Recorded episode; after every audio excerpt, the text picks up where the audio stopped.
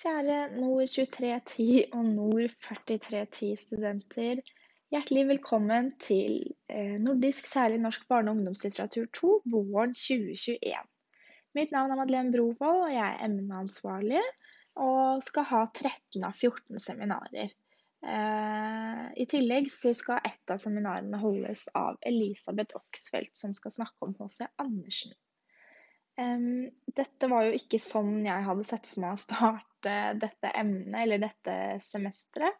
Med en snart to uker lang forkjølelse og eh, dårlig form og hosting. Eh, men eh, jeg har nå fått litt eh, såkalt hostesaft. Eh, og eh, satser på at det skal holde meg gående gjennom denne lille forelesningen eller lydfilen som som det da har blitt, eh, i stedet for Zoom-seminaret som skulle ha vært på tirsdag, og som jeg hadde gleda meg masse til. Eh, og jeg hadde selvfølgelig håpa at vi skulle få en mm, treffe hverandre. Eh, I hvert fall eh, en del av eh, en del av oss skulle få treffe hverandre eh, i et fysisk seminar, men det forsto vi jo for en stund siden at ikke kom til å skje, og da tenkte jeg ja ja, da blir det å treffe eh, dere på Zoom. Og tenkte at det kan bli fint, det òg. Men så ble jo da heller ikke det noe av, dessverre. Så jeg er veldig lei meg for forsinkelsen og en litt sånn røff start på semesteret i dette emnet. Men eh, jeg håper at jeg skal kunne gjøre det godt igjen i løpet av semesteret. Og jeg håper i hvert fall at denne lydfila er bedre enn ingenting. Og jeg må bare beklage at den kommer så seint som nå i helga. Uh, men jeg, hver gang jeg tror at jeg blir bedre, så har jeg blitt bare dårligere igjen og begynt å hoste mer og sånn som det. Men uh, heldigvis har jeg i hvert fall ikke korona, har tatt uh, test, så det er foreløpig i hvert fall utelukka. Så det er jo en god nyhet, særlig nå etter at det da kom nye restriksjoner i går igjen, og universitetet nå er helt nedstengt. Så det påvirker jo da oss også. Så um, vi kommer sikkert tilbake til det uh, mange ganger i løpet av semesteret, men det ser altså da foreløpig ut som at uh, det er Zoom-seminarer som står på agendaen. Uh, litt om meg. Jeg får jo da ikke treffe dere før på Zoom på tirsdag hvis alt går etter planen, men det håper jeg jo selvfølgelig. Eh, at vi da kan fortsette som tilnærma normalt. Eh, eh, sånn at vi satser på et Zoom-seminar på tirsdag førstkommende, 26.1. Fra kvart over to til fire. Så sånn at dere på en måte vet litt hvem jeg er. For dere som jeg da ikke har truffet før. Jeg håper kanskje at jeg har truffet noen av dere eh, i barne- og ungdomslitteratur 1 i høst, eller i temastudiet eh, norsk holocaust-litteratur. Eh, jeg har ikke sett på navnelista ennå, så jeg vet egentlig ikke hvor mange kjente fjes og, og navn som, eh, som er på dette emnet, men jeg håper at det er noen. Det hadde vært hyggelig. Og hvis ikke, så uansett så gleder jeg meg til å treffe noen nye studenter. Altså nye for meg, dere er jo sikkert ikke nye eh, på universitetet. Eh, og jeg kommer da eh, parallelt med denne lydfila til å legge ut en powerpoint-presentasjon som dere da kan følge mens jeg snakker, så det er litt lettere å få med seg det jeg sier. Så håper jeg at jeg ikke skal, eh, kommer til å hoste dere for mye i øret. Så jeg skal prøve å spille inn denne lydfilen i flere klipp, og håper jeg får lagt ned nå i løpet av lørdagskvelden. Hvis ikke så legger jeg den ut i morgen på søndag hvis jeg blir nødt til å gi stemmen en pause. Får sånne hostekuler noen ganger, og de kan vare litt. Så det her er det lengste jeg har prata sammenhengende, tror jeg, på i hvert fall en uke. Så får vi se. får vi se hvordan det går. Så ja, jeg heter Madeleine Brovold. Eh, jeg disputerte for seks uker siden på en doktorgradsavhandling om jødiske motiver i norsk litteratur fra 1800 til 1970. Jeg eh, har likt veldig godt å jobbe med det temaet og det prosjektet. Jeg har faktisk egentlig jobba med jødiske motiver i norsk litteratur siden 2015, for jeg skrev også en masteroppgave eh, om temaet.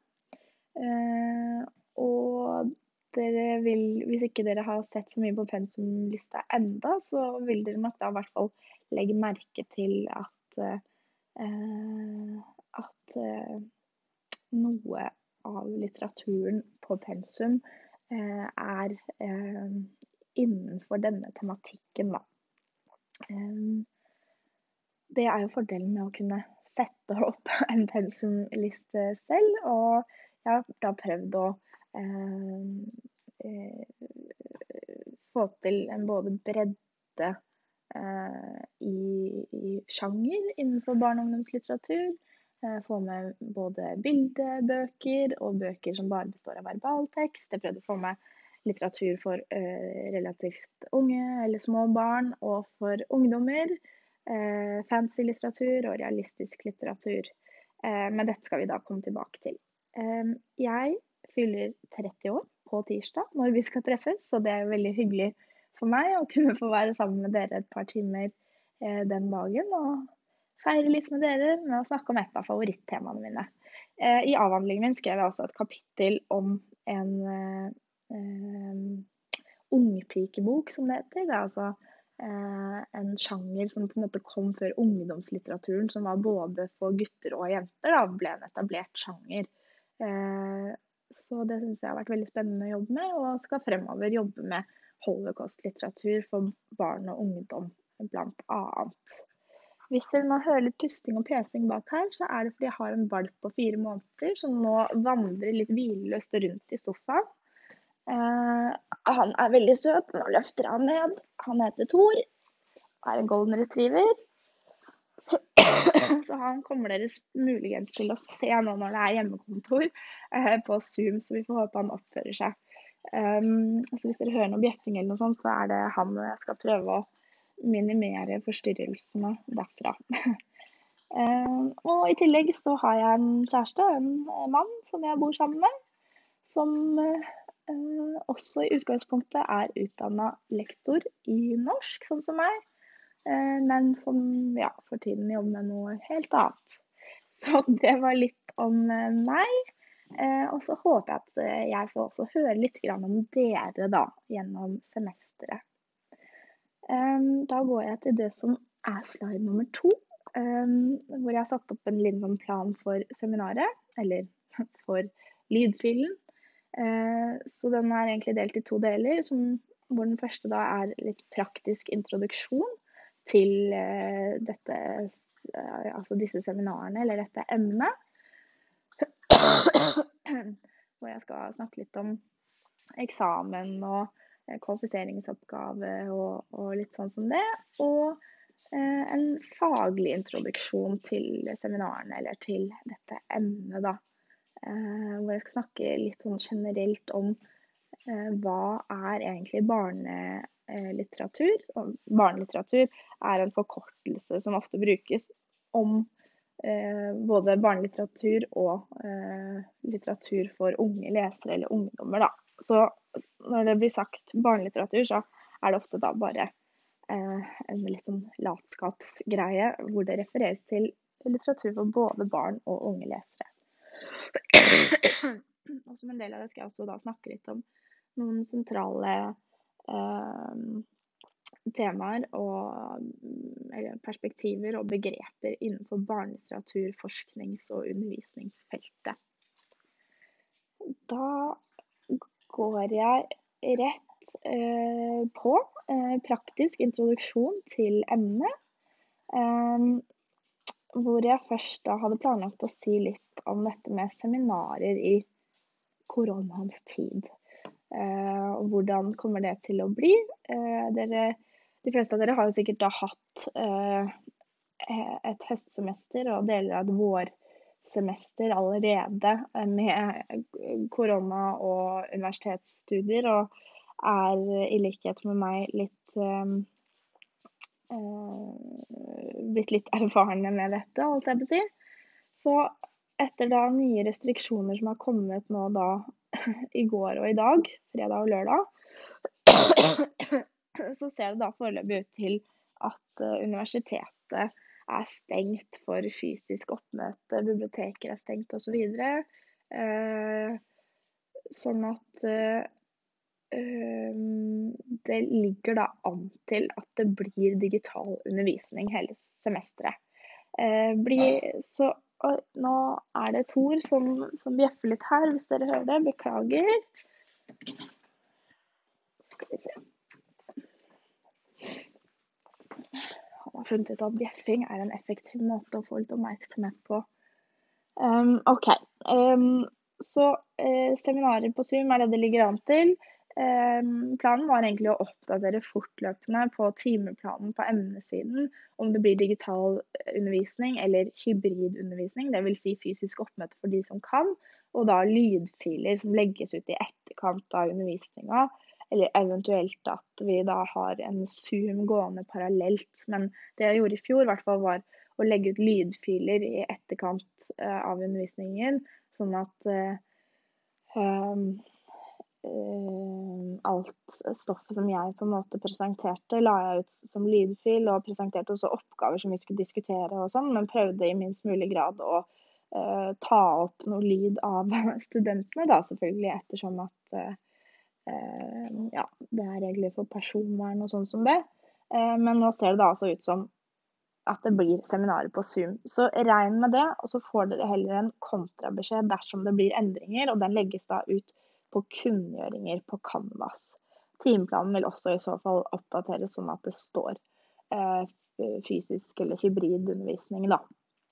Hvis det da åpnes for det etter hvert. Um, går til femte slide. Um, hva skal dere lære i løpet av dette kurset? Um, jeg tenker at det er fint å starte liksom helt sånn grunnleggende med hva som på en måte er premissene eller hva jeg si, for mm, seminaret. Hva som eh, det på en måte er lagt opp til at skal være felles fra semester til semester med dette emnet, på tross av da varierende eh, lærere.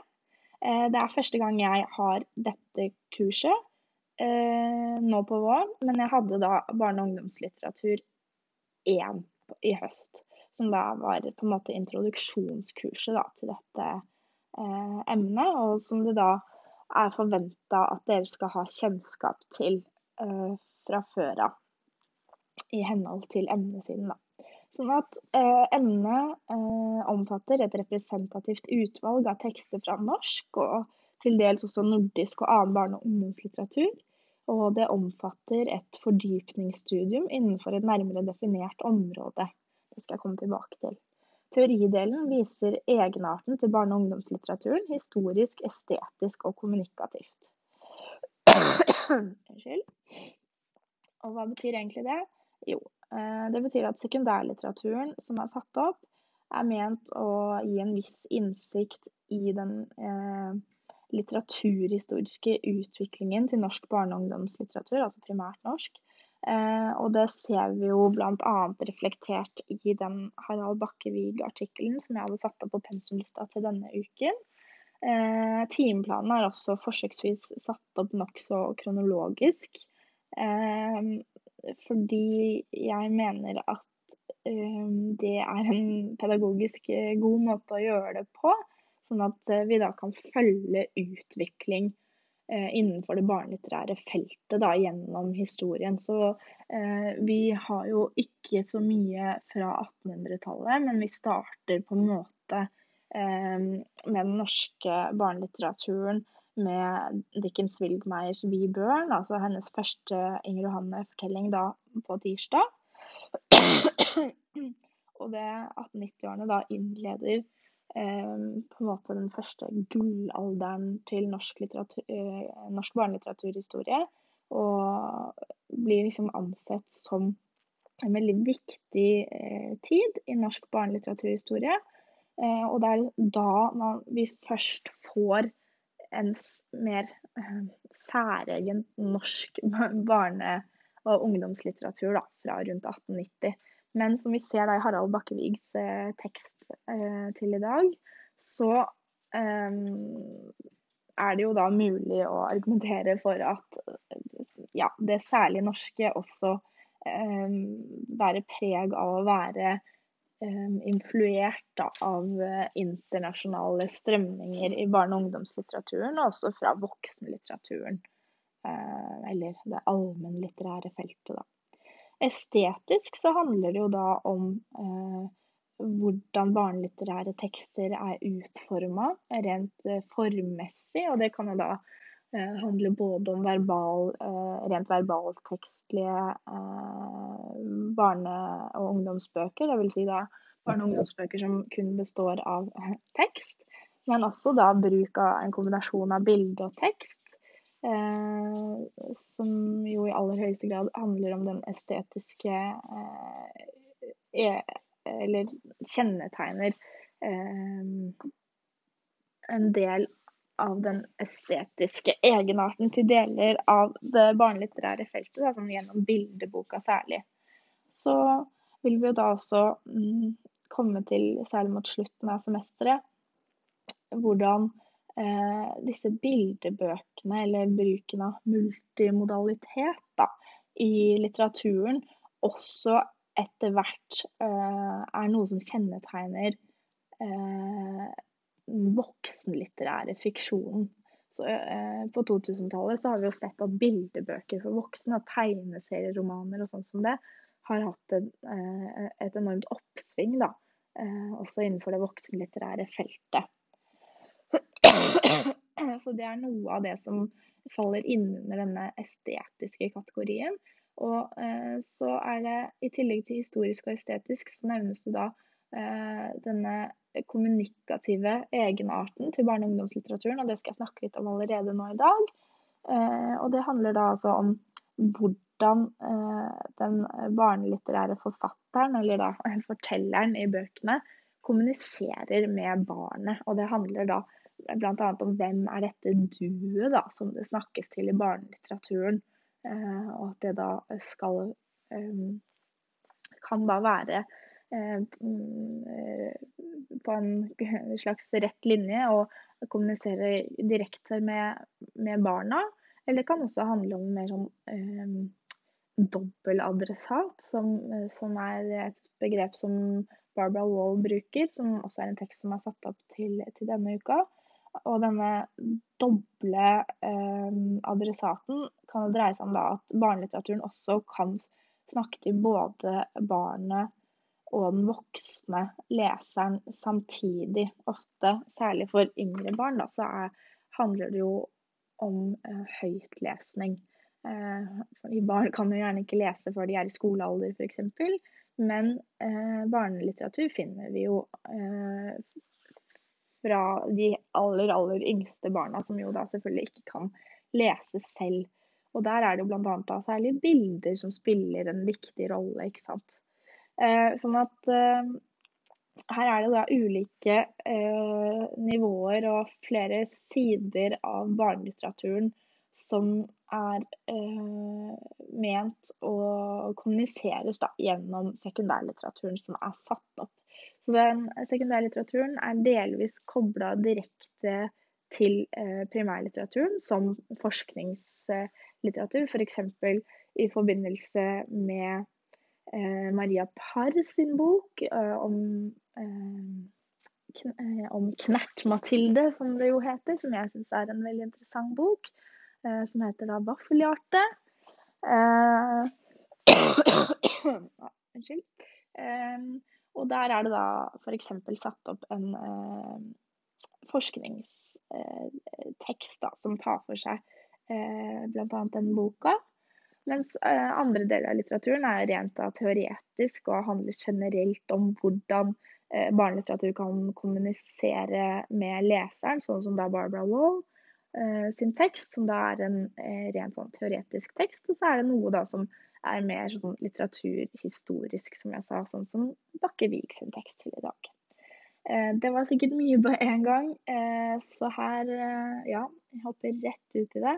Og som dere sikkert kommer til å merke, så eh, jobber jeg litt sånn eh, digresjonsmessig og eh, hadde ikke helt planlagt å, å, egentlig gå inn på det her allerede nå. Men jeg syns ofte så um, um, når, det, når, det, er satt opp sånn hva skal man lære i løpet av dette kurset, og pensum forandrer seg fra semester til semester, og læreren kan også gjøre det. Og så det er klart at det blir jo ikke helt likt. og Derfor så er det jo så generelt det som står ofte, enten det er i på en måte eh, vurderingskriterier, eller om det er i sånn som det her, da, som er en eh, form for eh, ja, læringsmål da, for emnet. Og da uh, er det jo viktig å på en måte prøve å konkretisere litt, tenker jeg da. Ellers så det er jo veldig generelle begreper i seg selv. Historisk, estetisk og kommunikativt. Så jeg håper at det ga litt mer mening, i hvert fall. Eh, og så hvis vi går videre da på dette, dette læringsmålspunktet, så står det altså at pensum omfatter 12-13 verk for Nord 2310 og 14-15 verk for Nord 4310 fra barne- og ungdomslitteraturen. Det skal jeg komme tilbake til. I tillegg legger studentene opp teori- og sekundærlitteratur til sammen ca. 250 sider for Nord 2310 og 350 sider for Nord 4310. Um, så, men pensum er da i utgangspunktet det som står på, uh, på Eh, altså på pensumoversikten, som da ligger i Leganto, med lenke fra eh, emnesiden av det inneværende semesteret. Sånn at eh, det er det dere skal forholde dere til. Men så kommer jeg også til å legge ut noen forslag da, til annen litteratur for dere som er ekstra interessert i å lese litt videre, f.eks. om et gitt tema eller en gitt bok. Eh, så står det videre at de litterære verkene skal leses på originalspråket, og det er viktig. Nå er jo de fleste bøkene vi har på pensum, norske. Men sånn som 'Brødrene Løvehjerte' av Astrid Lindgren, er det da veldig viktig at dere får tak i på svensk. Eh, ettersom at eh, dere er studenter på nordisk, så, og vi er jo så heldige at vi faktisk forstår både norsk, svensk og dansk, stort sett. Både skriftlig og til dels forhåpentligvis muntlig. Sånn at det er eh, viktig, særlig da hvis eh, 'Brødrene Løvehjerte' eller H.C. Andersens tekst kommer på eh, eksamen, så er det veldig viktig at dere faktisk da kan referere til sitater på originalspråket. Hvis ikke så vil det kunne trekke ned da, og det er på en måte et krav. Um, og ja, det er egentlig det som står. Og så har jeg lagt ved link til emnesidene for Nord 2310 og Nord 4310. Jeg regner med at de fleste av dere er godt kjent med det, ettersom at dere, ehm, de fleste av dere sannsynligvis har studert et par år allerede. Men hvis det er uklart, så i hvert fall finner dere det her på powerpointen. Gå videre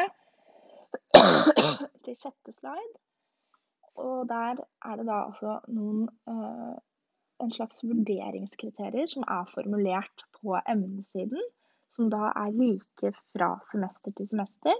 Hvor det da står at etter fullført emne skal studentene eh, kunne følgende. Og da er det på henholdsvis bachelor- og masternivå. Så har jeg satt opp i da to kolonner, sånn at dere på en måte kan se hva som er forskjell. For dette er jo da et såkalt heisemne hvor undervisningen er felles for både bachelor- og masterstudenter, derav Nord 2310, Nord 4310. Og da eh, vil jeg jo tro at det er litt uklart for flere av dere hva som på en måte Er det ulike krav, eller hva på en måte skiller dere fra hverandre? på en måte. Sånn at um, hvis vi da ser på disse vurderingskriteriene, så ser vi det helt konkret her. Så for de to første punktene er like for uh, bachelor- og masterstudenter. Så står det at dere skal kunne dokumentere inngående kjennskap til viktige sider ved norsk, til dels også annen nordisk og utenomnordisk barne- og ungdomslitteraturtradisjon. I tillegg skal dere da kunne analysere barnelitterære tekster estetisk og kommunikativt i en sjangerhistorisk kontekst. Og der kommer jo disse begrepene igjen, som forhåpentligvis nå er litt mer konkrete for dere. Alt dette er ting som vi kommer til å komme tilbake til gjennom eh, mange seminarer gjennom semesteret. Og så, når vi da kommer til det tredje punktet, så står det for bachelorstudentene at dere skal kunne vise kompetanse innenfor et nærmere definert område knyttet til det barnelitterære fagfeltet. Mens for eh, masterstudentene så står det at dere skal kunne vise høy kompetanse innenfor et nærmere definert område knyttet til det barnelitterære fagfeltet. Så altså kompetanse versus høy kompetanse. Så det, her ser vi da allerede at det er litt høyere krav eh, til hva masterstudentene skal være i stand til å gjøre sammenlignet med bachelorstudentene i slutten av eh, semesteret. Og så er det det siste punktet som sier for bachelorstudentene at de skal kunne analysere barnelitterære tekster tilfredsstillende på bakgrunn av denne spesialkompetansen. Mens for masterstudentene så er det da definert at de skal kunne analysere barnelitterære tekster inngående på bakgrunn av denne spesialkompetansen. Og Så igjen, eh, det kreves litt mer eh, dybdekunnskap rett og slett da, for masterstudentene her. Vi går videre. Um, og eh, i hvert fall det, jo, det, begynner å bli noen år siden nå, men ikke så mange siden jeg selv studerte nordisk. Eh, og jeg syns ofte det var litt uklart hva som egentlig eh, var forventa til eh, kvalifiseringsoppgaver og eksamen og sånn. Og det Jeg skal ikke skylde på noen andre det er mulig jeg burde ha forstått det bedre selv, men i hvert fall for å forhåpentligvis kunne hjelpe dere fra å være så forvirra som jeg tidvis kunne føle at jeg var, så eh, vil jeg da presisere at disse på en måte læringsmålene, da, det, disse vurderingskriteriene som jeg kalte dem, som det da er ment at dere skal kunne etter eh, semesteret er over, eh, de består da eh, Altså det er da én del av det dere vurderes etter. Eh, på eksamen, disse fire punktene, som da var to like og to litt ulike for bachelor- og masterstudenter. Eh, og sammen med det som er generelle vurderingskriterier for alle som går på nordisk litteratur, som da kalles for fagspesifikke karakteromtaler for nordisk. Um, og det er da sammenlagt disse to punktene da, som utgjør vurderingskriteriene på eh, kvalifiseringsoppgave, og, men særlig eksamen. da. Eh, så det er det dere blir målt etter. Disse fire punktene jeg har gått gjennom. Og så disse fagspesifikke karakteromtalene for nordisk, som da spesifiserer eh, hva eh, som er eh, forventa at dere skal ha fått til for å kunne få en A, en B, en C, en D, en E, og hva som da eh, ikke er godt nok til en bestått, og som da tilsvarer en F. da. Sånn på A står det f.eks. at um, det er krevd framifrå, altså veldig god innsikt i det kunnskapsinnholdet som er definert for fagnivået. Altså veldig uh, svært god innsikt i, i, det som står på emnesiden at dere skal kunne. Og også en tilsvarende da kjempegod eller svært god eh, evne til selvstendig kritisk vurdering og problemløsning. Sikker og formelt korrekt språkføring. Uh, mens uh, en, en C f.eks. er uh, i motsetning til hva noen studenter er klar over, så er det faktisk definert som en god karakter og det eh, en ser hvis du har fått det på en eksamen eller får det på eksamen i dette emnet, så reflekterer det god innsikt i kunnskapsinnholdet som er definert for fagnivået, og også en god evne til vurdering og problemløsning. God og formelt sikker språkføring uten alvorlige systemfeil. Systemfeil er jo da eh, språklige feil særlig, da, som f.eks. Eh, at man har en del eh, eh, feil som, som det er forventa at dere egentlig ikke skal ha lenger da, på dette nivået, som f.eks. åg og å-feil. Mm, et typisk eksempel. Um, ja, dette igjen kommer vi til å komme tilbake til, særlig i slutten av semesteret. Undervisningen på emnet er da som sagt 14 seminarer. Sammenlagt 28 undervisningstimer. Ehm, det er lagt inn noe undervisningsfri underveis i semesteret, for som dere vet så er vårsemesteret lengre enn høstsemesteret, så da har vi råd til en sånn eh, luksus som det er. Og det er bl.a. lagt da til den såkalte vinterferieuka, for dem som har mulighet til en sånn luksus i hverdagen. Eh, eventuelt så kan jo det da brukes til å lese seg litt opp eh, hvis man har havna litt bakpå eller noe sånt som det. Eh, og så vil jeg også bare poengtere at eh, når dette kalles for seminar og ikke forelesninger, så er det sånn at denne seminarformen innebærer at undervisningen vil kreve studentaktivitet. I motsetning til den forelesningsformen som dere da kjenner fra hovedsakelig Nord 1300, som da er monologisk. Sant? Sånn at jeg vil da legge opp til litt diskusjonsoppgaver og sånn som det uh, underveis. Derfor er det veldig viktig at dere så langt det er mulig eh, får lest pensum som er satt opp fra uke til uke, og kanskje særlig da primærlitteraturen, da, som vi ofte kommer til å diskutere. Um, så blant annet så håper jeg at jeg kan få til dette med breakout rooms og sånn, hvor dere kan diskutere ting i grupper da, på seminaret. Uh, litt sånn um, uh, vekselvis med at jeg da presenterer uh, noen faglige refleksjoner rundt både primær- og sekundærlitteratur.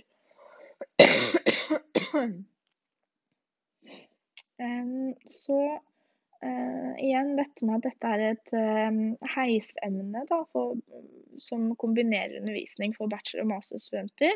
Så er det altså sånn at det først og fremst vil merkes gjennom de høyere kravene som er nevnt til masterstudentene på eksamen, men også at det er ulike eksamensformer uh, for bachelor- og masterstudenter. Og det innebærer også at kvalifiseringsoppgavene vil bli litt ulike. Eh, fordi det er nemlig sånn, eh, nå har jeg gått til slide nummer ni, om obligatorisk kvalifiseringsoppgave. Det er dere sikkert også vant til, at dere må levere en kvalifiseringsoppgave. Noen ganger er den muntlig, men stort sett så er den skriftlig. Skriftlig vil den også være dette semesteret. Sånn at alle må skrive en kvalifiseringsoppgave på ca. fem sider. Det er ca. 12 000 tegn uten mellomrom til sammen. Og den oppgaven må da være godkjent før du kan ta eksamen. Um, og den, uh, en godkjent kvalifiseringsoppgave varer gjerne det semesteret da han blir godkjent, uh, pluss de to neste gangene emnet blir tilbudt. Sånn at det emnet her, da for eksempel, som jo er det vi snakker om nå, um, tilbys som regel hver vår. Og dersom det fortsetter sånn, så vil da eh, en godkjent kvalifiseringsoppgave, hvis dere får det i april, så vil den da også være godkjent i våren 2022 og våren 2023. Hvis dere blir nødt til å ta opp eksamen f.eks. Eller eh, ja, få godkjent kvalifiseringsoppgave, men må trekke dere fra eksamen eller noe sånt som det. Um, Um, og på kvalifiseringsoppgaven så har dere to forsøk. Men uh, det er altså da Du kan ikke da ikke levere en kvalifiseringsoppgave til den oppsatte fristen f.eks. Da regnes det som stryk, eller kan ikke levere to sider eller noe sånt som det. Men dersom teksten du har levert inn er en helhetlig tekst, eh, innledning, hoveddel og avslutning på ca. fem sider, og som viser et reelt forsøk på å skrive en godkjent kvalifiseringsoppgave, og du rett og slett bare har misforstått oppgaven eller noe sånt som det, ehm, så vil du få mulighet til å rette opp i det. Men eh, altså, eh, det er bare veldig viktig at dere ikke misforstår det. Sånn at eh, dere er da nødt til å levere en kvalifiseringsoppgave som har frist 23. mars innen midnatt i år, da. Så det er da på en tirsdag etter vi har hatt seminar den dagen. Og oppgaven vil til, eh, utdeles to til tre uker i forveien. Så jeg har satt opp innleveringstidspunkt, men jeg har ikke, ikke formulert oppgaven ennå. Og har heller ikke uh, bestemt helt når den skal deles ut, da. Men regn med at dere får to-tre uker på dere. Og at fristen da blir 23. mars. Um, så går jeg litt videre til eksamensform og begynner da med masterstudentene på Nord 4310. Eh, eksamensformen for dere er da en semesteroppgave som skal bestå av ca. ti sider tekst eh, av 2300 tegn. Um, og temaet for semesteroppgaven tar utgangspunkt i pensum, og eh, den blir fast, fastsatt av uh, deg, hver og en av dere, og, og meg sammen.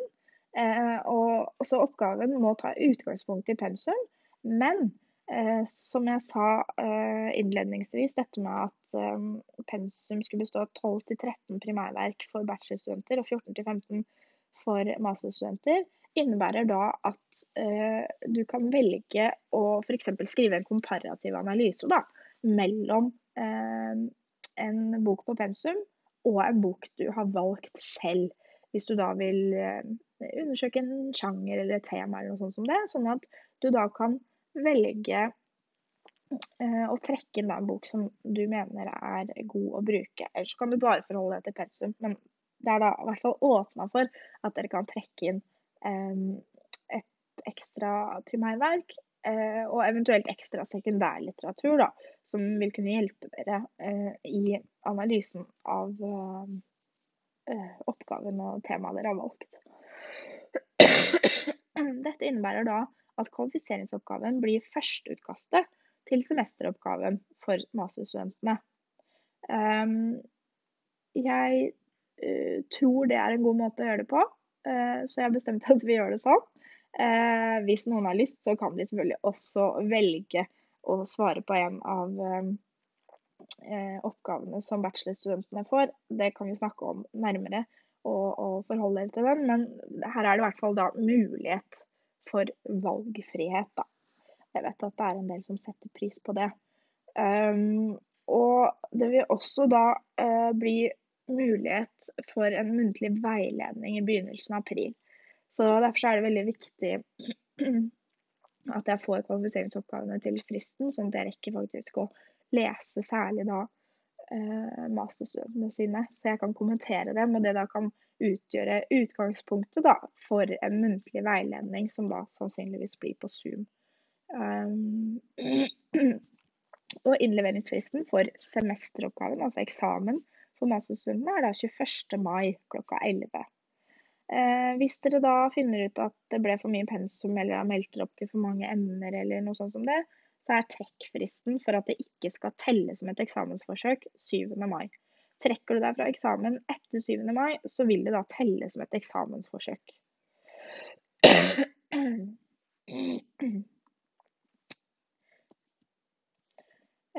Eksamen for uh, bachelorstudentene på NOVI 2310 uh, er litt annerledes. Eksamensformen er tre dagers hjemmeeksamen.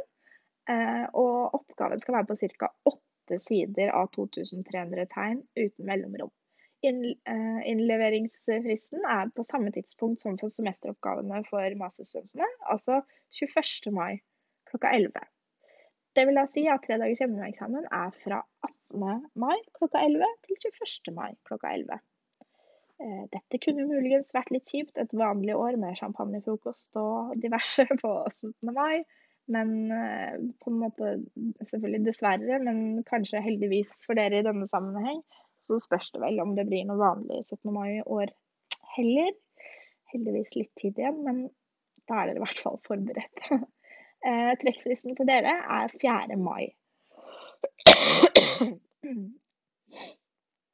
Og kvalifiseringsoppgaven vil eh, være formulert à la tidligere eksamensoppgaver Eh, sånn at da kvalifiseringsoppgaven vil på en måte tjene som eh, en øving da, til eksamen. Eh, og da har jeg lagt ved et eksempel i powerpointen hvor jeg har henta en eksamensoppgaveformulering fra 2015 som da sier Gi en analyse av Brynjulf Jung Kjønns roman 'I morgen skal vi sitte i solen' fra 2009, med vekt på stil, språk og karakterfremstilling. Formuler en problemstilling og bruk relevant sekundærlitteratur. Så noe sånt som det vil eh, da kvalifiseringsoppgaven være for dere, og eksamen vil sannsynligvis også ligne en sånn type oppgaveformulering, da. Og så tenk, går jeg litt videre og tenkte å bare eh, hente opp kjapt timeplanen. Eh, og bare kommentere den. Um, som sagt har vi da Dickens, Wilgmeyer og Weburn fra 1890. Uh, eh, Førstkommende tirsdag 26.1. Uh, uka etter har vi Regine Normanns 'Eventyr' fra 1925. Um, uka etter uh, kommer da um, Elisabeth Oxfeldt på besøk med H.C. Andersens 'Snedronningen' fra 1845. Uh, uka etter er det Inger Hagerups 'Så rart', barnevers. Fra Det er da en samling av egentlig tre lyrikksamlinger som Eh, er å få kjøpt fremdeles i bokhandlene. Eh, mens H.C. Andersens ligger jo da på nettet, og Regine Nordmanns eventyr finner dere på nb.no, som dere ser på pensumlista. Dickens Wilgmeier finner dere også på nb.no. Um, og så har vi da denne nevnte uh, vinterferieuka, eller uh, ja, leseuka. Eh, og så har vi da kommet til mars. Første uka i mars. Torbjørn Egners 'Folk og røvere i Kardemommeby'. Den er jo da også å få tak i fremdeles i bokhandler, eh, bokhandlere, de fleste. Det samme gjelder eh, uka etter, hvor vi har Anne-Kat. Vestlys 'Lillebror og Knerten' fra 1962. Uh, eh, ja, sa jeg. Uh, og vi går videre i mars og har da Astrid Lindgrens 'Brødrene Løvhjerte' fra 1973. Vi har eh, mot slutten av mars, 23. Eh, mars, her kommer da innlevering av kvalifiseringsoppgave. Samme dag som vi da skal ha Jostein Gaarders kabalmysterium fra 1990.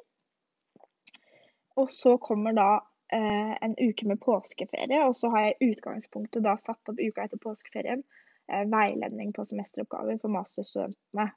Um, vi kan jo se litt på det, men det er i hvert fall planen. Så har vi da allerede kommet til midten av april. Da har vi den nevnte Maria Pars vaffelhjerte fra 2005. Um, ehm, og så har vi Erlend Loth Kurtby fra 2008. Vi har um, siste gang i april Tor Fretheim, som jeg tror kanskje ikke så mange av dere kjenner til, men som er en uh, veldig god og dessverre litt litt for lite anerkjent eh, norsk ungdomsbokforfatter. Eh, som har bl.a. skrevet denne da 'Ingen ild tenner stjernene' fra 2009. Eh, og så har vi denne boka som jeg foregrep litt i stad. Mikael Holmbergs 26.11. Fire fortellinger fra det norske holocaust. Fra 2010. Som da er en, en tegneserie sakprosabok, eller en multimodal sakprosa, som noen også kaller det.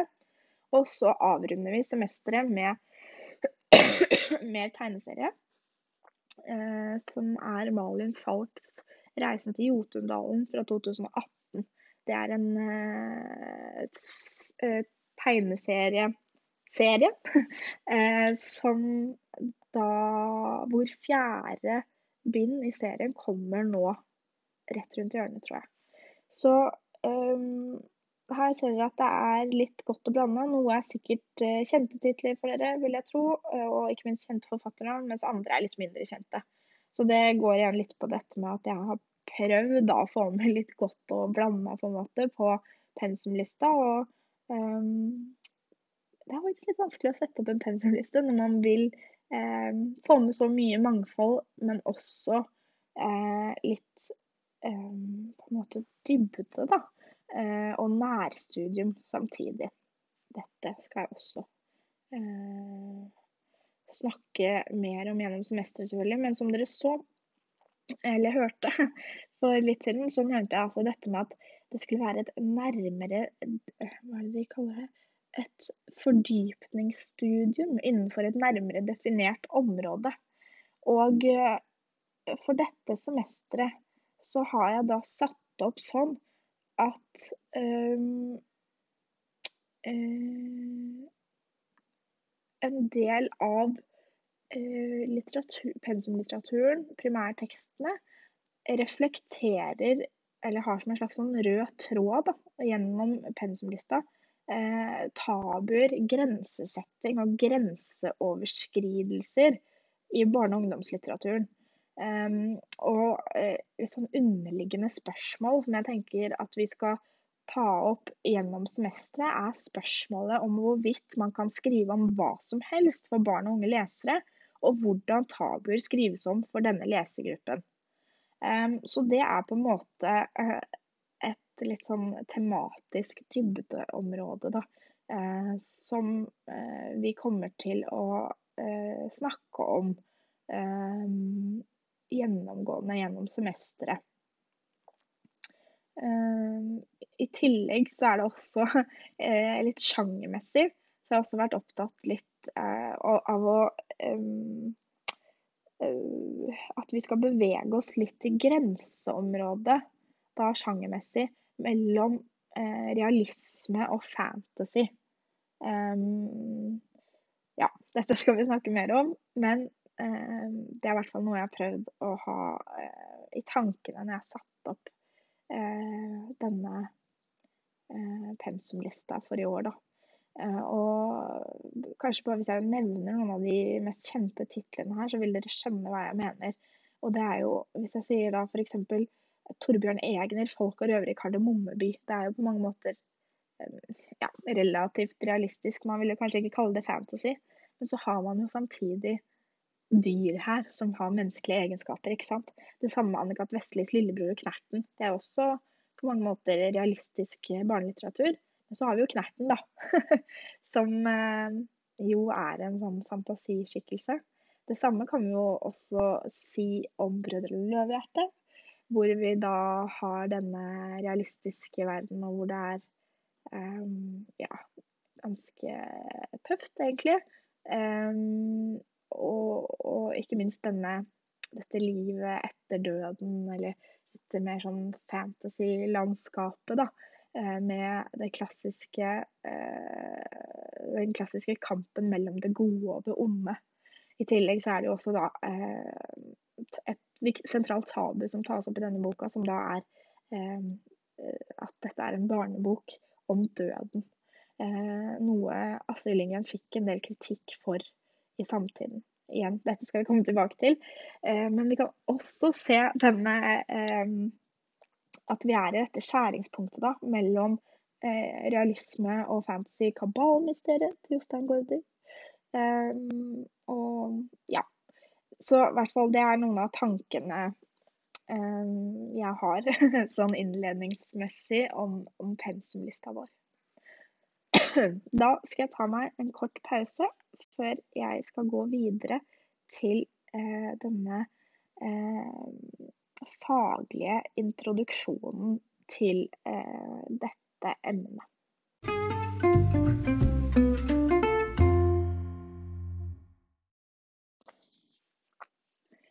Hei igjen. Um, det har blitt søndag. Um, etter den pausen jeg tok i går, så ble det bare masse hosting, så det var ikke mulig for meg å fortsette da. Men uh, vi håper at eh, det skal gå bedre nå. Så da har vi altså kommet til den faglige introduksjonen til emnet. Eh, forelesningens andre del. Eh, og først så har jeg da bare lagt litt generelt om barnelitteraturforskningsfeltet. Med noen sentrale eh, forskere og det, navn på noen sentrale forskere innenfor barnelitteraturforskningsfeltet, som kan være greit å kjenne til for dere. Eh, og så har jeg lagt ved eh, noen bøker som eh, dere kan ha nytte av gjennom semesteret. Mm. Og det er da særlig her vi kommer til eh, det som kan bli litt eh, repetisjon for dere som tok barne- og ungdomslitteratur 1 i høst. Um, og det er fordi at denne delen er hovedsakelig bygget på Harald Bakkevig og Silje Hernes Linhards artikkel 'Barne- og ungdomslitteratur' fra Litterær analyse 1 innføring. Eh, skrevet av Per Thomas Andersen, Gitte Mose og Torstein Norheim, eller redigert av de tre. Um, og det er en bok som jeg regner med at mange av dere har fra nord 1300. Uh, sånn at uh, den vil jeg anbefale dere å lese, da særlig dere som ikke har barne- og ungdomslitteratur 1. Men jeg skal i hvert fall nå i det følgende presentere noen noen deler av denne artikkelen for dere, for å måte starte litt eh, med det grunnleggende og begynnelsen, på en måte. Og eh, sørge for at eh, vi som utgangspunkt for arbeidet vi skal gjøre dette semesteret, har litt kjennskap til noen sentrale eh, debatter innenfor litteraturforskningsfeltet og noen temaer som eh, forskerne generelt er opptatt av. Og ikke minst da, noen sentrale begreper som kan være nyttige gjennom, eh, gjennom semesteret. Og det som er fint med eh, den artikkelen her, er at den eh, presenterer eh, og nevner noen da, sentrale teoretiske eh, artikler eh, som kan være veldig nyttige å bruke i litterære analyser av barne- og ungdomslitteratur. Så ta en titt også på Eh, litteraturlisten da, til, eh, eh, til denne artikkelen til Harald Bakkevig og Silje Hernes Lienhardt, hvis dere da vil få noen tips. Så dette er også noen artikler som vi kommer til å komme tilbake til. Og blant de artiklene som de mm, nevner her, er jo da Barbara Walls introduksjonskapittel og disse begrepene med single, double og dual address, som vi jo har på pensum til uh, i dag. Eller denne uka. Nå er det da hunden min som uh, enda en gang sjekker om det er noe mat i matskåla, og slikker rent de siste, siste restene som man egentlig for lengst har slikka bort. Er en ekte hund og matoptimist. Ja. Så hva er egentlig barne- og ungdomslitteratur? det er jo et helt grunnleggende spørsmål for et emne som vårt. Likevel så er det et av de vanskeligste spørsmålene innenfor litteraturforskningsfeltet. Det er noe eh, som det er en grunnleggende uenighet om blant en del forskere. Så noen er opptatt av, opptatt av avsenderen, det vil altså da si forfatteren eh, og gjerne i kombinasjon med forleggeren. Eh, og at det er nettopp da av, denne avsenderen som bestemmer om noe er en barnebok, og da hva som er en barne- eller ungdomsbok. Eh, andre mener at det er leseren som bestemmer. Det vil da si har vi et barn som leser, så er det en barnebok. Um, og en annen måte å si det på er at det er resepsjonen av bøkene som er bestemmende. Dvs. Si altså hvordan de ble mottatt av det lesende publikummet. Um, og det er jo det vi da, det sistnevnte er jo det vi da kan kalle for en leserorientert definisjon. Uh, og et argument for en sånn type definisjon av hva som er barnelitteratur, er at forskjellige typer lesere kan se forskjellige ting i en tekst. Eh, sånn at eh, eh, barnelesere og voksenlesere vil kunne vektlegge ulike elementer ved en tekst. Da. Et motargument mot å definere barnelitteratur som det som barn leser, er at dette kan føre til at enhver bok som et barn på, på et eller annet tidspunkt leser, vil kunne defineres som en barnebok. Eh, men en noe problematisk og ikke minst problematisert side ved barnelitteraturen er at den domineres av voksnes oppfatning av eh, hva et barn er, eh, hva som er barnelitteratur, hva som er barndom, eller hvordan barndommen er, og hva som passer for barn. Da. Og det er jo da ikke barns egen oppfatning av disse tingene, av det å være barn eller en barndom eh, som ligger til grunn. Mm. Skal vi se Nå vil Tore ut. Sånn. Um. Ja. Um, så det er mange som oppfatter det som en litt problematisk side ved barnelitteraturen. da, At den er såpass voksendominert. Um, sånn at vi kan jo da si at eh, barnelitteratur er ikke litteratur skrevet av barn, men for barn, vil da mange mene. Eh, og hvis man vil si noe om barnelitteratur, så kan det også være greit å si noe om målgruppen for denne litteraturen, altså noe om barn.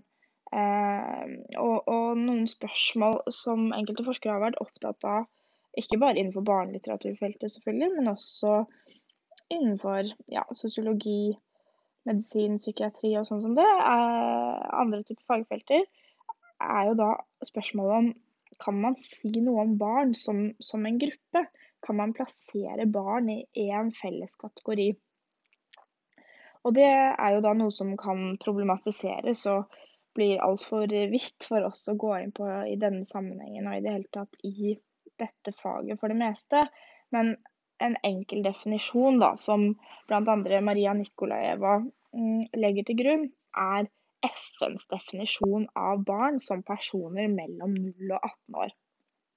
Sånn det er en helt sånn grei og enkel definisjon eh, som dere kan ta utgangspunkt i, da, hvis eh, dere vil definere da, denne målgruppen for barnelitteraturen. Og, og, i den definisjonen ser vi også da at det er helt innafor å bruke denne litt eh, eh forenklede eh, betegnelsen barnelitteratur om både barne- og ungdomslitteratur, som vi nok ofte kommer til å gjøre i dette faget, og som veldig mange andre også gjør. Um, Perry Nodelmann, som i mange år har vært en av de ledende barnelitteraturforskerne internasjonalt, og er uh, av nasjonalitet canadisk, mener at uh, debatten omkring dette definisjonsspørsmålet, altså hva er barnelitteratur, er et grunnleggende trekk ved det barnelitterære feltet i seg selv. Så så viktig er faktisk dette spørsmålet. Eh, og ikke så enkelt og greit å svare på som man kanskje da skulle tro da i utgangspunktet. Et annet sentralt eh, spørsmål innenfor det barnelitterære forskningsfeltet er om barnelitteratur er annerledes enn litteratur for voksne, og eventuelt hvordan barnelitteraturen er annerledes enn litteratur for voksne. Eh, og her er da meningene delte. Uh, og en grunnleggende uenighet da innenfor dette forskningsfeltet er hva det er som er spesielt med barnelitteraturen som litteratur, eller hva er det særegne ved denne litteraturen?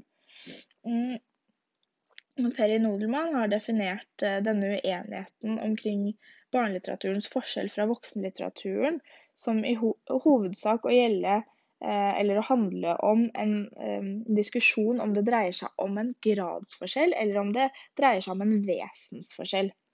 Uh, og her finner, altså, så spørsmålet går da på er barnelitteraturen det samme som voksenlitteratur, bare i mindre avansert versjon? altså en slags forenkla litteratur, eller er det snakk om andre og annerledes kvaliteter og egenskaper ved barnelitteraturen sammenligna med voksenlitteraturen? Uh, og her uh, stiller da bl.a. Per Nodelmann og en annen helt sentral uh, internasjonal barnelitterær forsker seg på hver sin side da, i denne faglige debatten. Sånn at i teksten 'Mission Impossible barnelitteraturforskningens dilemma' argumenterer eh, Boel Westin da mot forestillingen om barnelitteratur som en forenkla versjon av voksenlitteratur. Hun skriver da at det faktum at forfatteren har eh, skrevet en bok for barn, blir viktigere enn selve teksten i forlengningen underblåser dette på et ulykkelig vis forestillingen om at barnelitteratur pga. sin primært tiltenkte leser er en eh, slags forenklet i betydningen simplifisert litteratur. Så hun mener at dette spørsmålet eh, på en måte forskyver det det egentlig handler om, da, som er teksten. Og i stedet så, så eh, blir eh, spørsmålet i forbindelse i forbindelse med barnelitteratur ofte skjøvet over på uh, mottakeren, da, på hva som har vært forfatterens hensikt, heller heller enn på teksten i seg selv. Mm. Og som en konsekvens av hennes syn, så mener Westin da at barnelitteraturen ikke nødvendigvis krever andre analysemetoder enn voksenlitteraturen. Og det kan jo også være viktig for oss å huske på uh, i arbeidet vårt dette semesteret, at um, selv om vi bruker eller har en del eh, primært barnelitterær forskning og teori på pensum, uh, som det også er viktig og nyttig for dere å kunne bruke i analysene, så er det også selvfølgelig sånn at dere kan trekke inn analyseverktøy og teorier og metoder som dere har lært i andre litteraturfag tidligere, som da bl.a. Nord 1300 og eh, X-FAC for de av dere som har det, og ikke minst ulike sånne type tema, motiv, epokestudium og hva nå enn dere måtte ha fra før av. Så husk på det at uh, det, det er jo fremdeles litteraturen som er i sentrum her. Ehm, det tenker jeg kan være en viktig tanke her. Og så må jo de, dere kan jo selvfølgelig ta stilling her på, på egen hånd. fordi ved at jeg sier det nå, så stiller jeg meg jo på mange måter på linje med Westin. Men jeg tenker at det er en litt sånn pragmatisk tilnærming for oss. da, for det, eh, det handler jo om at dere skal lære dere å analysere disse tekstene og på en måte um, gjøre det på en god måte, og at dere skal kunne øve dere på å bruke de litterære verkt litteraturvitenskapelige verktøyene som dere har lært, og er i en prosess med å lære nå gjennom studiet. Så jeg tror ikke det er noe nyttig for dere i denne sammenhengen å tenke på barnelitteratur som noe helt annet enn de andre emnene som dere har tatt, og en, en nordisk litteraturhistorie generelt, da, og som vi eh, nok kommer tilbake til gjennom semesteret, så er det også en viss sammenheng da, mellom det barnelitterære eh, den barnelitterære historien og den på en måte voksne eller allmenne litteraturhistorien. Eh, noe også da Eh, Harald Bakkevig kommenterer i den pensumteksten dere har hatt til i dag. Men tilbake til spørsmålet om barnelitteratur er annerledes enn litteratur for voksne, og eventuelt hvordan barnelitteraturen er annerledes enn litteratur for voksne. Eh, Peri Nodelmann mener, eh, i motsetning til Bolvestin, at barnelitteraturen er vesensforskjellig fra voksenlitteraturen. For han mener at barnelitteraturen ikke bare er et litterært felt, men faktisk en egen sjanger. Eh, det fremgår bl.a. av eh, hans artikkel 'Barnelitteratur som sjanger', eh, som dere bl.a. kan finne i 'Nye veier til barneboka' fra 1997, redigert av Harald Bakkevig, som finnes på nb.no. Eh, Westin mener på sin side at barnelitteraturen er like mangfoldig som voksenlitteraturen, at man derfor ikke uten videre kan kategorisere all barnelitteratur sammen og som en sjanger, men snarere som da eh, et litterært felt. Sånn at eh, barnelitteraturen er like mangfoldig som voksenlitteraturen, ifølge henne. Mens ifølge Nodelmann så vil all barnelitteratur ha det han kaller for en skjult voksen, eller en hidden adult, i teksten. Eh, og dette er da en, en, skjult voksen som på en eller annen måte eh, vil være til stede. Det kan variere fra tekst til tekst, og at det, det gir seg utslag i at forfatteren eh, sier mindre enn han vet, og holder noe tilbake av hensyn til barneleseren det som holdes tilbake, manifesterer seg i teksten som en skyggetekst, eller en shadow-tekst, som overskrider det tilsynelatende barnlige perspektivet, ifølge Nodelmann. Og den skjulte voksne og den skyggeteksten som han eller hun da etterlater seg eh, i eh, det barnelitterære verket, er noe som kjennetegner og er felles for alle barnebøker. Dette kan dere bl.a. lese mer om i, i Nodelmanns bok 'The Hidden Adult Defining Children's Literature' fra 2008.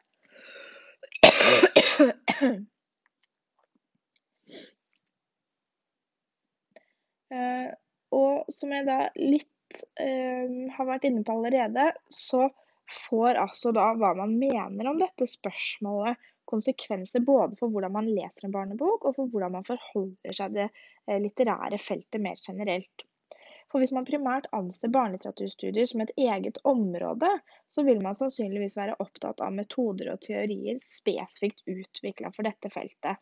Altså det som jeg sier, um, da vil man sannsynligvis holde seg til sekundærtekstene på pensum, da, for å si det på den måten. Altså spesifikk barnelitterær teori.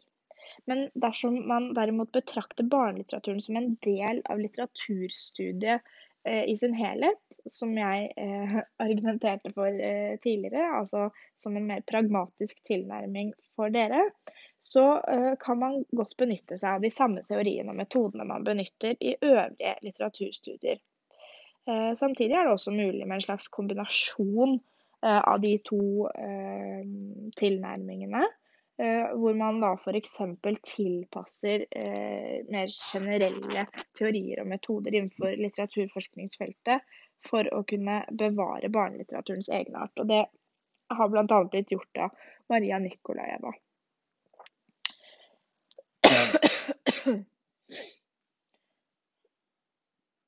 Barbara Wall er opptatt av måten en bok taler til leseren på. Og hun mener at det er denne talemåten og kommunikasjonen med leseren som avgjør eh, om en tekst kan gis full barnelitterær status.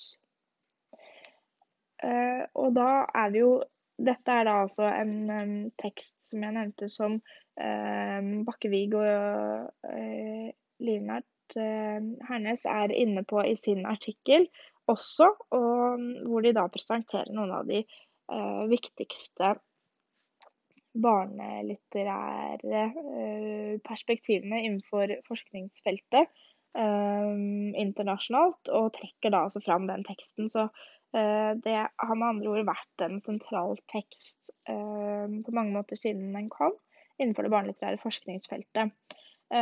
Og det er da primært disse begrepene single address, dual address og double address eh, som, er, eh, som forbindes med Barbara Wall, og som hun på en måte er kjent for, og som vi også skal forholde oss til fra, fra hennes forskning i utgangspunktet.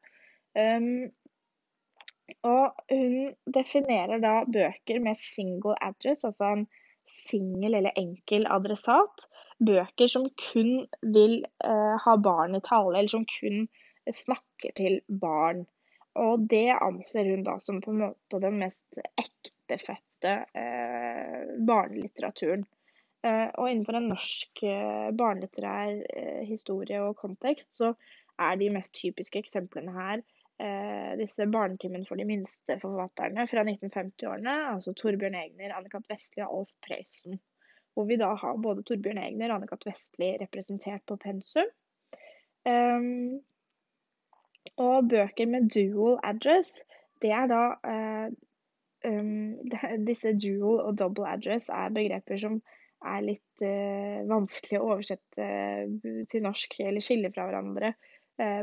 Særlig på norsk, da, fordi vi vil nok referere til de begge som bøker med dobbel adressat. hvor da bøker med dobbel adressat, i betydningen dual address, er bøker som appellerer til ulike mottakere uten å profilere leseren som verken barn eller voksen.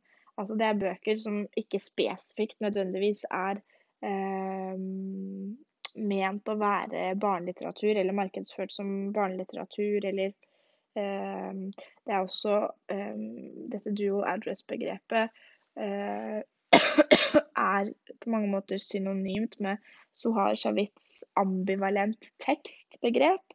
Eh, og allalderlitteraturbegrepet, som innenfor en norsk forskningskontekst er det vanligste å bruke. Så jeg vil da si at eh, bøker med dual address er bøker som både voksne og barn kan ha, nytt, ha glede av å lese. Og på, på, hver sin måte. At, den, at, det er bøker som på mange måter har, har litt å by på for enhver eh, aldersgruppemessig, da. Eh, bøker med double address, eh, altså bøker med dobbel adressat igjen, i betydningen double address på engelsk, er bøker som da både snakker til barn og til voksne.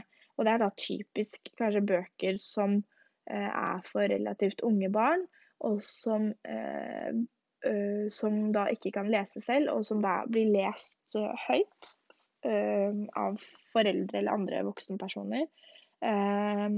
Og hvor da eh, den voksne også kan ha glede av boka, men eh, det vil da skyldes aspekter eh, som går Eller referanser eller aspekter ved, ved, ved den barnelitterære boka som går over hodet på barneleseren.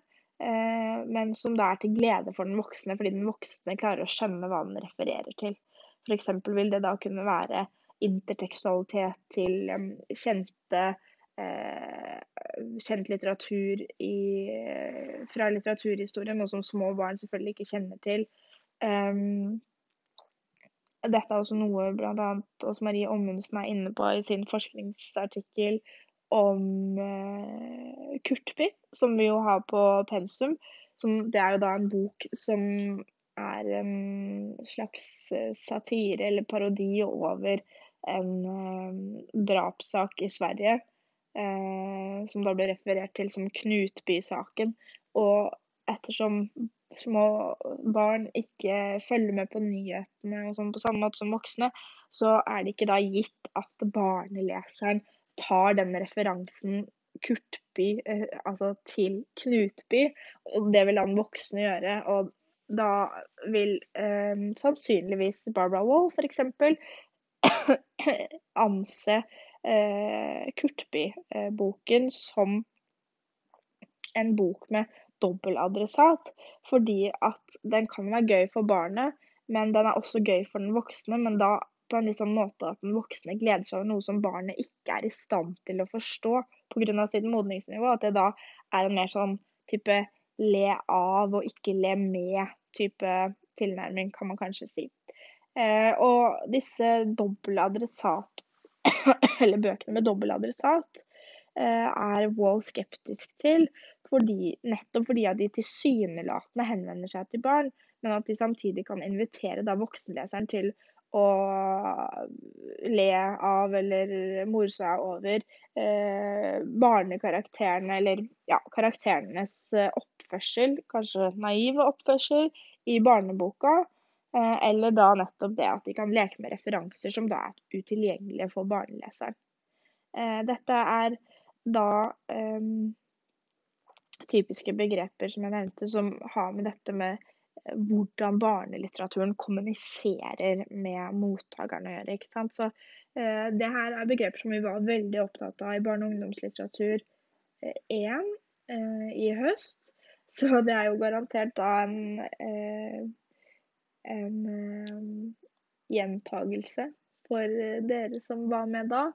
Men som dere jo kan huske, og som det kan ja, som det kan være greit for dere holdt på å si nye uh, på barnelitteratur 2 å vite også, er jo da at det var begreper som mange syns var litt vanskelig. Særlig det her med uh, Ja, kan man på en måte utelukkende si at en bok har single, dual eller, eller double address, um, kan man på en måte sette to streker under svaret her.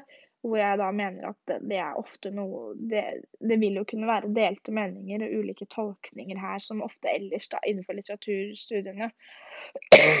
Så det handler jo om eh, analysen og rett og slett hvilke funn analysen fører fram til. Så dette er nok også da begreper som vi kommer til å jobbe en del med gjennom semesteret og som vi skal få mye tid til å diskutere, selv om det kanskje virker litt eh, vanskelig å bli litt mye informasjon da nå på en gang. Da hopper jeg over noen uh, lysbilder og fram til det som heter ungdomslitteratur. Eh, det er ikke eh, noe klart eller tydelig skille mellom det vi kaller for barnelitteratur og det vi kaller for ungdomslitteratur. Her er rett og slett grensene flytende. Men formmessig så er det sånn at ungdomsbø ungdomsbøker ofte ligner mer på voksenbøker enn barnebøker.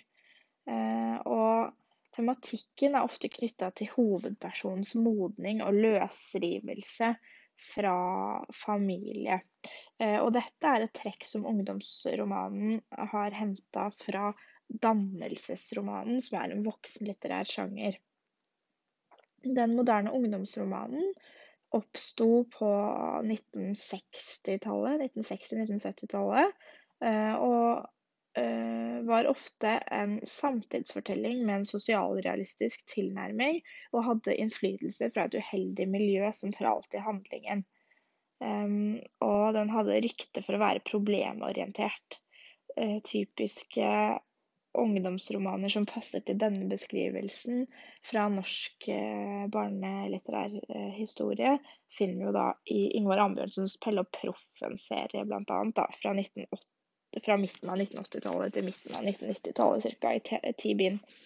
Um, og så den har Altså, det her var da Denne ungdomslitteraturen, den moderne ungdomsromanen, hadde rykte for å være problemorientert. Og typiske trekk var at uh, hovedpersonen, eller sentral, sentrale personer i handlingen, grubla over hvem de var, og hvor de hørte til. Uh, og det var kompliserte mellommenneskelige relasjoner. Bøkene kjennetegnes av eksistensiell undring, uh, ofte opprør mot autoriteter.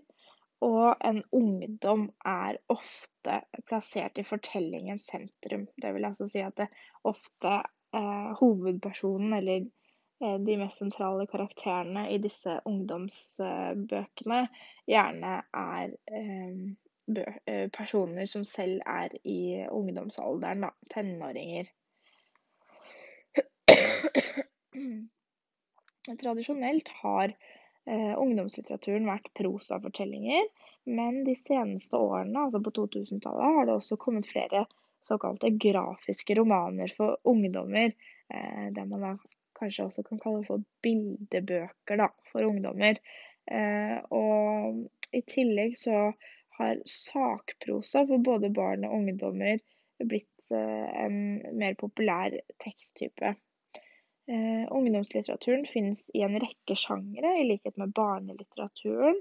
Og mange av disse sjangrene har historiske røtter eh, fra bl.a. gutteboka, westernbøker, sjøfortellinger, skolefortellinger, fremtidsdystopier, eh, fantasy-litteratur, inkludert science fiction, jenteboka, historiske romaner, Robinson, Robinsonader, gjengfortellinger og skrekkromantikk. Sånn at før eh, ungdomslitteraturen slo gjennom på 1960- og 1970-tallet eh, i Norden, så eh, var deres forløper det som kaltes for Ungpikeboken, da, blant annet.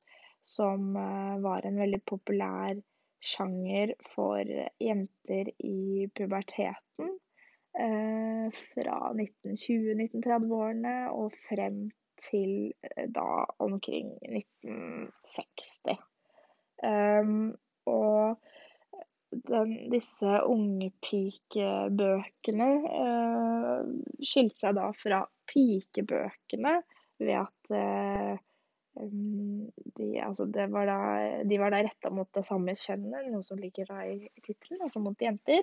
Unge jenter. Mens eh, jenteboka var da for de litt yngre jentene, og ungpikeboka var for eh, litt eh, ja, altså tenåringsjenter, jenter i puberteten. Og det viktigste skillet var nok at ungpikeboka har forelskelse og kjærlighet, da, og ofte også spørsmål knytta til det å gifte seg og sånn som det. Um, mer sentralt og mer fokus på den type tematikk da, enn det jenteboka har.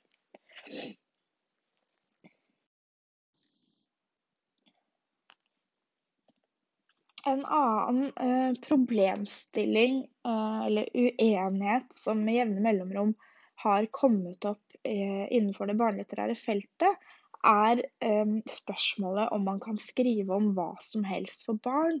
Eller hvor eventuelt grensa går. Og det handler altså da om en debatt om både etisk og tematisk grensesetting i barnebøker. Eh, samtidig så er det sånn at hva som betraktes som kontroversielt å skrive om for barn, vil variere både ut fra miljø, sted og tid. Eh, et eh, godt eksempel på dette er at Anne-Kat. Vestlis bøker var kontroversielle i sin tid, vil altså si på 50-, 60- og 70-tallet.